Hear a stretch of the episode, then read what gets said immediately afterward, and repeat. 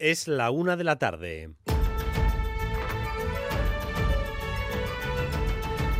Crónica de Euskadi con Dani Álvarez. Arrachaldeón, hace años que el sector empresarial y académico vasco afirma que necesitamos captar talento. Necesitamos personas que puedan liderar proyectos empresariales y de investigación. Hablamos sobre todo de jóvenes que si tienen que elegir entre ofertas, normalmente se decantan antes por Londres, por Ámsterdam, por Múnich o por Madrid que por Euskadi. Así que ha empezado una gran operación para fichar a estos perfiles. Íñigo Ugarte es el CEO de IETIM, una consultora que se dedica a fichar profesionales para empresas vascas. A día de hoy, eh, este país tiene infraestructuras, tiene financiación, tiene industria, tiene eh, capacidad tecnológica para esa industria. Lo único que le falta es número de personas, talento. La cuestión es por dónde empezar si hay rivales más poderosos aquí cerca. La red se está lanzando en países de América Latina. ¿Dónde ¿Y qué se busca, Sonia Hernando? Se busca todo tipo de trabajadores cualificados, ingenieros por supuesto, pero también profesionales de la hostelería. Seguimos buscando en Europa, fundamentalmente allí donde se fueron en su día vascos muy cualificados a trabajar, pero la competencia es feroz. Ahora hemos comenzado a buscar también jóvenes de clases medias en países como Argentina, Colombia o Venezuela. Son jóvenes bien formados, pero sin oportunidades en sus países. Con ellos se quiere paliar en parte el déficit de mano de obra cualificada que tenemos en Euskadi y que va a más. Fracasa el último intento por evitar las huelgas en la concertada. Los sindicatos afirman que el último planteamiento de Cristau es insuficiente, así que vamos a 10 días, 10 días de paro. Eder Menchaca. Tras hora y media reunidos en este tercer encuentro, tampoco ha habido acuerdo. Las patronas les han puesto encima de la mesa una mejora de la propuesta que se traduce en decenas de millones de euros. Sindicatos piden más medidas concretas en las condiciones laborales. Cristau Escola eh, les ha exigido, insiste en exigirles responsabilidad y entre tanto mañana, primer día de huelga, en escuelas concertadas religiosas ante la preocupación de asociaciones de madres y padres. Concentración en audio para reclamar profesionales médicos en el centro de salud de la localidad. Mucha asistencia tras la muerte de un vecino por un infarto este fin de semana. Y Manuel Manterola, adelante. Sí, enfado entre las centenares de personas que esta mañana se han concentrado aquí frente al centro de salud del audio. Enfado por una muerte consecuencia, según denuncian, de la falta de medios aquí en el PAC del audio. El pasado viernes, que es cuando sucedieron los hechos, no había médico, únicamente dos enfermeras. Situación extensible, además, según denuncian los sindicatos, a otros muchos puntos de atención continuada. ELA, Lab Comisiones y ESK han pedido ya a Osakideza que garantice los medios personales y materiales necesarios. El gobierno vasco niega que haya carencias en la atención médica, aunque insiste en que existe un problema de falta de profesionales en determinados momentos. Además, el gobierno califica como muy grave el sabotaje a las ambulancias que afectó también a una atención urgente este fin de semana en Bermeo, durante el cual falleció una mujer. Actuaciones muy graves que están realizadas con mala fe que tienen el propósito de dificultar la prestación de un servicio esencial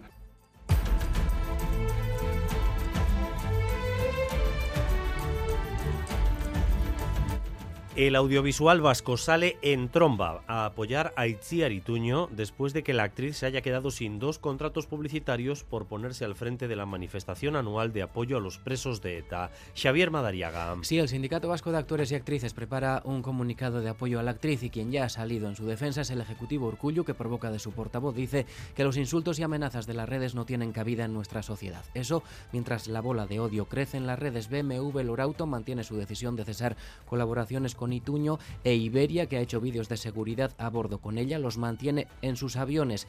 Hemos hablado con la dirección de la aerolínea que prefiere no alimentar una polémica a la que no le ven sentido. Y por si alguien tenía aún alguna duda, los seguidores del Partido Republicano en los Estados Unidos solo creen en un líder. Se llama Donald y se apellida Trump, que vuelve a prometer lo mismo que prometió hace ocho años. Óscar Pérez. Que volverá a hacer grande a América. Trump ha conseguido más de la mitad de los votos en los caucus de Iowa, le ha sacado casi 30 puntos de ventaja al segundo. Es la victoria más rotunda de la historia de la primera votación en el proceso de primarias del Partido Republicano y Trump pone ya su mirada en Joe Biden. So I don't want to be overly uh, rough on the president, but I have to say that he is the worst president that we've had in the history of our country. Es el peor presidente de nuestra historia, está destruyendo nuestro país, ha dicho esta madrugada sobre Biden. El actual presidente ha escrito un mensaje en el que asegura que la victoria de Trump en Iowa demuestra que, como ocurrió hace cuatro años, estas elecciones van a ser una lucha entre él y los extremistas republicanos de MAGA. Y dentro de unos minutos va a quedar inaugurada oficialmente la temporada de sidrerías con el Choch. Allí está nuestra unidad móvil con Natalia Díaz. Arrachaldeón, Natalia. Sí, a Rachaldeón queda menos de una hora, nada, para que Íñigo Echezarreta, vocalista del grupo ETS, diga el esperadísimo Gure Sagardo Berría, que dará oficialmente inicio a esta temporada. Ha sido la mejor cosecha, una cosecha histórica. Se han recogido 5 millones de kilos de manzana, 4 millones de litros de sidra se han producido. Y ello a pesar de que el cambio climático ha reducido un 15% la cosecha. Nos lo decía hace unos minutos Unai Aguirre, gerente de Euskal Sagardoa. ha sido una buena cosecha. Es, es verdad que algo menor de lo esperado. Es, es, una cosecha histórica aún y todo, es la mayor que hemos, que hemos podido recolectar, pero esperábamos un poco más. Pero en octubre, pues algo de la manzana pues se nos perdió porque bueno vinieron los calores y ahí tuvimos bueno una pérdida de un 10-15% de la producción, pero bueno, lo demás ha sido una buena añada, sí.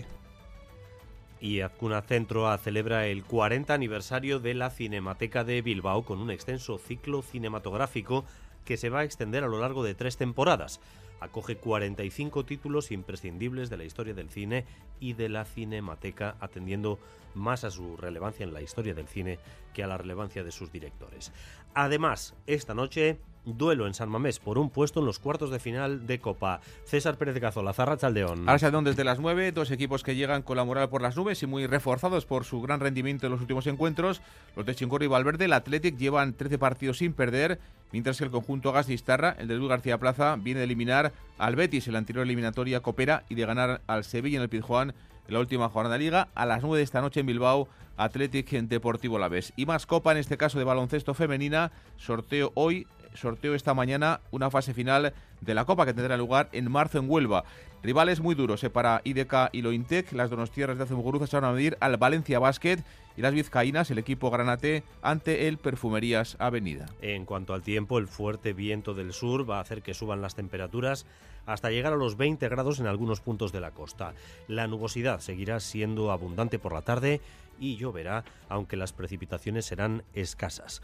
14 grados de temperatura ahora mismo en Bayona, 13 en Bilbao y en San Sebastián, 11 en Vitoria-Gasteiz, 10 grados de temperatura en Pamplona. En el tráfico, precaución ahora mismo en la Guipúzcoa 20, en la variante de Donostia, sentido Irún. Hay un carril cortado tras el accidente entre dos coches y en esa zona se están produciendo retenciones. Una persona ha resultado herida en esa colisión, ha sido ya trasladada al hospital, así que eh, insistimos, retenciones ahora mismo en la Guipúzcoa 20, en la variante de Donostia, en sentido hacia Irún. Y también a través del WhatsApp de Radio Euskadi, eh, varios oyentes nos comunican que un camión ha hecho la tijera en la salida de la autopista en Altuve, dirección Vitoria. Problemas, por tanto, en la salida de la autopista en Altuve, dirección Vitoria, también porque un camión ha hecho la tijera en esa zona. Gracias un día más por elegir Radio Euskadi y Radio Vitoria para informarse. Raúl González y José Ignacio Revuelta se encargan de la dirección técnica, María Cereceda de la coordinación. Crónica de Euskadi con Dani Álvarez.